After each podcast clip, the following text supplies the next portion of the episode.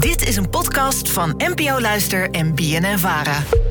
Hallo, team Alledaags Vragen. Rob hier. Hey, ik zag dat eh, Katy Perry de eh, rechten van haar muziek had verkocht. Maar toen vroeg ik me meteen af, waarom zou je dat doen als artiest? Alledaagse Vragen. NPO Luister.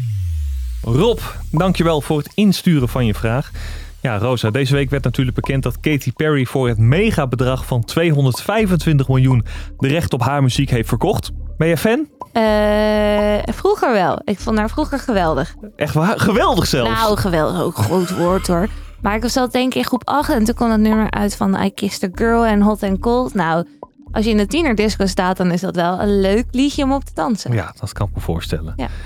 Ik was zelf nooit zo'n fan. Nee? Nee. Oh. Maar het kan misschien ook een beetje mee te maken dat ik, ik was ook een tiener rond die tijd. En Ja. dat was niet cool voor jongens. Nee? In mijn, nou, in mijn optiek. Wie was er dan wel heel cool? Soulja Boy. Soldier Boy. No, watch me whip. Oké. ik zie je al helemaal doen. Ja, ja. Terug naar de vraag van Rob. En voor een antwoord belde ik met Niels Alberts. Hij is eindredacteur bij 3 voor 12 en weet dus alles van popmuziek. En kon ons ook uitleggen waarom je als artiest in hemelsnaam je rechten zou verkopen. Het simpelste antwoord op die vraag is gewoon geld. Dat is gewoon, eh, je kunt er van alles en moois omheen verzinnen, maar het is gewoon eh, geld. En dat kan ik wel iets nuanceren, omdat ik denk dat voor veel artiesten, de meeste artiesten die dit in de afgelopen tijd hebben gedaan, zijn al enigszins op leeftijd. Katy Perry heeft het dan eh, deze week is dat bekendgemaakt. Dat is dan een relatief jonge artiest die haar rechten, eh, een deel van haar rechten heeft verkocht. Maar de meeste mensen die dat in de afgelopen jaren hebben gedaan, zijn mensen zoals Springsteen, eh, Dylan, Neil Young. En eigenlijk is de kortste antwoord is inderdaad geld. Maar je moet het zo zien, die rechten die gaan nog tot in lengte van jaren. Copyright duurt eh, tot 70 jaar na de dood van de auteur, van de maker. Gaan die geld opleveren. Dus eigenlijk nemen ze een voorschot op geld dat ze de komende decennia nog zouden ontvangen. Dat halen ze feitelijk eigenlijk al uit de markt door hun rechten eh, te verkopen. En dan kunnen ze dan nu nog eh, een mooi pensioen, niet dat we het nodig hebben, maar een pensioen van, van leven. Nou, eigenlijk hadden we dit natuurlijk al kunnen raden van tevoren. Geld, wat is de wereld toch voorspelbaar? Ja, maar ja, je kan natuurlijk ook niet in je kist geld verdienen. Dus op zich logisch. Dat is zo.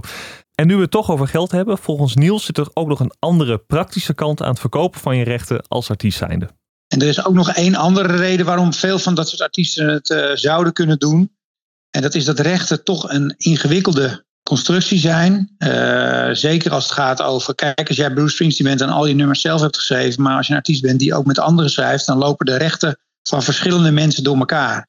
Als jij overlijdt, zadel je je nageslacht of je erfgenamen op om al die dingen te gaan regelen. En er is natuurlijk niks makkelijkers om te verdelen dan geld. Ja, dat klopt.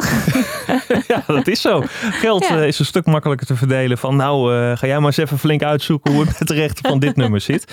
En we hoorden het Niels dus net al zeggen, rechten op muziek kunnen behoorlijk ingewikkeld zijn.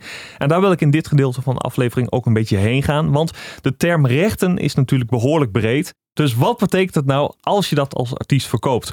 Kort gezegd, waar hebben we het dan over? Nou, Niels kon ons dat ook uitleggen. Dat is dus een hele ingewikkelde vraag, want dat kan van alles betekenen. Al die voorbeelden die ik net genoemd heb, hebben eigenlijk allemaal heel verschillende deals en vaak ook heel verschillende dingen die onder de rechten vallen aan die eh, investeerders verkocht. In sommige gevallen gaat het om de rechten op de eh, songteksten. In sommige gevallen gaat het om de rechten op de composities, dus de melodieën. In heel veel gevallen vallen die dingen samen. Dat gaat soms over niet de rechten op de composities of de teksten, maar op de rechten op de masters. En de masters zijn de opnamen. Het gaat in sommige gevallen om een deel van die rechten. Of in het geval van Katy Perry, die denk ik vaak niet de enige schrijfster is, maar meeschrijft. Dus alleen maar over haar aandeel in die songs. En dat kan soms maar een heel klein aandeel zijn. In heel veel moderne popcomposities. Nou ja, kijk, bij Beyoncé, daar is de rij aan meeschrijvers eh, soms wel 10, 12 componisten. Dus dan koop je eigenlijk alleen maar, bij wijze van spreken, bij vijf componisten en auteurs, een vijfde deel van de rechten op die song. Zo'n klein deel en dan zo'n flink bedrag. Ja, klopt. Maar goed, wat Niels mij dus ook vertelde als aanvulling erop. Je hebt dan een klein gedeelte, maar dat geeft je wel een onderhandelingspositie om met die andere mensen te gaan onderhandelen over die rechten. En ja, het is blijkbaar dus wel interessant genoeg om dat te doen. Alledaagse vragen. Rosa, weet je ook wie de rechten van Katy Perry hebben gekocht? Nee. Nou, dat eh, ga ik jou vertellen bij deze. Eh, Litmus Music. En dat is een bedrijf wat in de muziek zit, zoals je al kon raden. Maar dat bedrijf is dan weer eigendom van Carlyle. En dat is een Amerikaans investeringsbedrijf. En dat investeert echt in de meest uiteenlopende zaken. Zo investeren ze in de gezondheidszorg, financiën, eh, klassieke industrie, noem het maar op. Maar dus blijkbaar ook in de muziekindustrie. En ik wilde ze bellen om te vragen, ja, wat ga je nou met die Katy Perry doen? Wat ga je doen met de muziek van Katy Perry? Ja. Dus ik belde hun kantoor in Amsterdam en dit gebeurde er.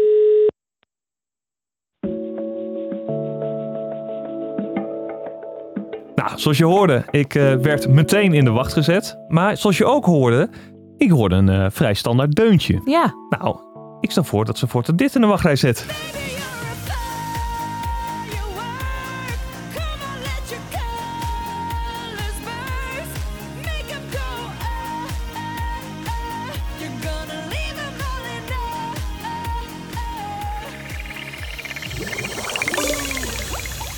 Dus Rob, we zochten voor je uit waarom je als artiest je rechten op je muziek zou verkopen. En volgens Niels is de belangrijkste reden simpelweg geld. Met de verkoop van hun rechten nemen de artiesten eigenlijk een voorschot op het geld wat ze de komende jaren zouden verdienen met hun muziek. Daarnaast kan het voor nabestaanden van de artiest ook kopzorgen schelen als de rechten al uit handen zijn. Heb jij ook een vraag? Stuur eens dan een berichtje op Instagram. Dat kan naar Alledaagse Vragen. Maar je mag ons ook een mailtje sturen. Dat mag naar alledaagsvragen.bnnvara.nl En dan zoek ik het voor je uit. Alledaagse vragen. NPO Luister. BNN Vara.